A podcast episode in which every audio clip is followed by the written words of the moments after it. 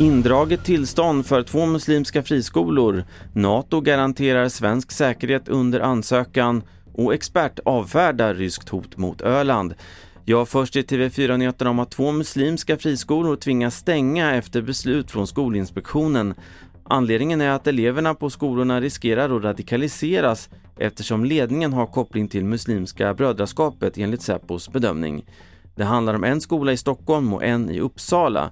Fredrika Brickman är enhetschef på Skolinspektionen. Om man nu befinner sig i en, en, eh, i en skola som, som påverkas av en ideologi som, som inte är förenlig med, med fri och rättigheter, då kan man ju naturligtvis bli påverkad av detta och i förlängningen eh, riskera att eh, radikaliseras.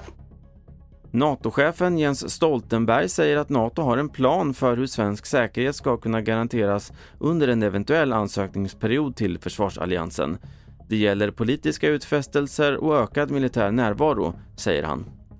Ja, det kan ju först vara klara politiska eh, erkläringar. Det kan vara från NATO, från NATO-land. Det kan också vara eh, ökt militärt närvaro eh, i eh, områdena eh, runt Sverige.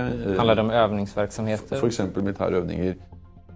Och en längre intervju hittar du på tv4.se. Och vi fortsätter på temat svenskt säkerhetsläge för till sist. Igår höjdes röster från lokalpolitiskt håll att Öland, precis som Gotland, borde stärka sitt försvar mot det ryska hotet. Men oron är obefogad, säger den tidigare överstelöjtnanten Jörgen Elving. Gotland har en helt annan strategisk betydelse än Öland, vilket vi ser på kartan. Sitter man på Gotland, då behärskar man Östersjön. Sitter du på, som en angripare på Öland, då innebär det att du kan ju påverkas från fastlandet med artilleri och annat. Och möjligheten att återta Öland är betydligt större än vad gäller Gotland. Det avslutar denna uppdatering. Fler nyheter hittar du i appen TV4 Nyheterna. Mitt namn är Carl-Oskar Alsen.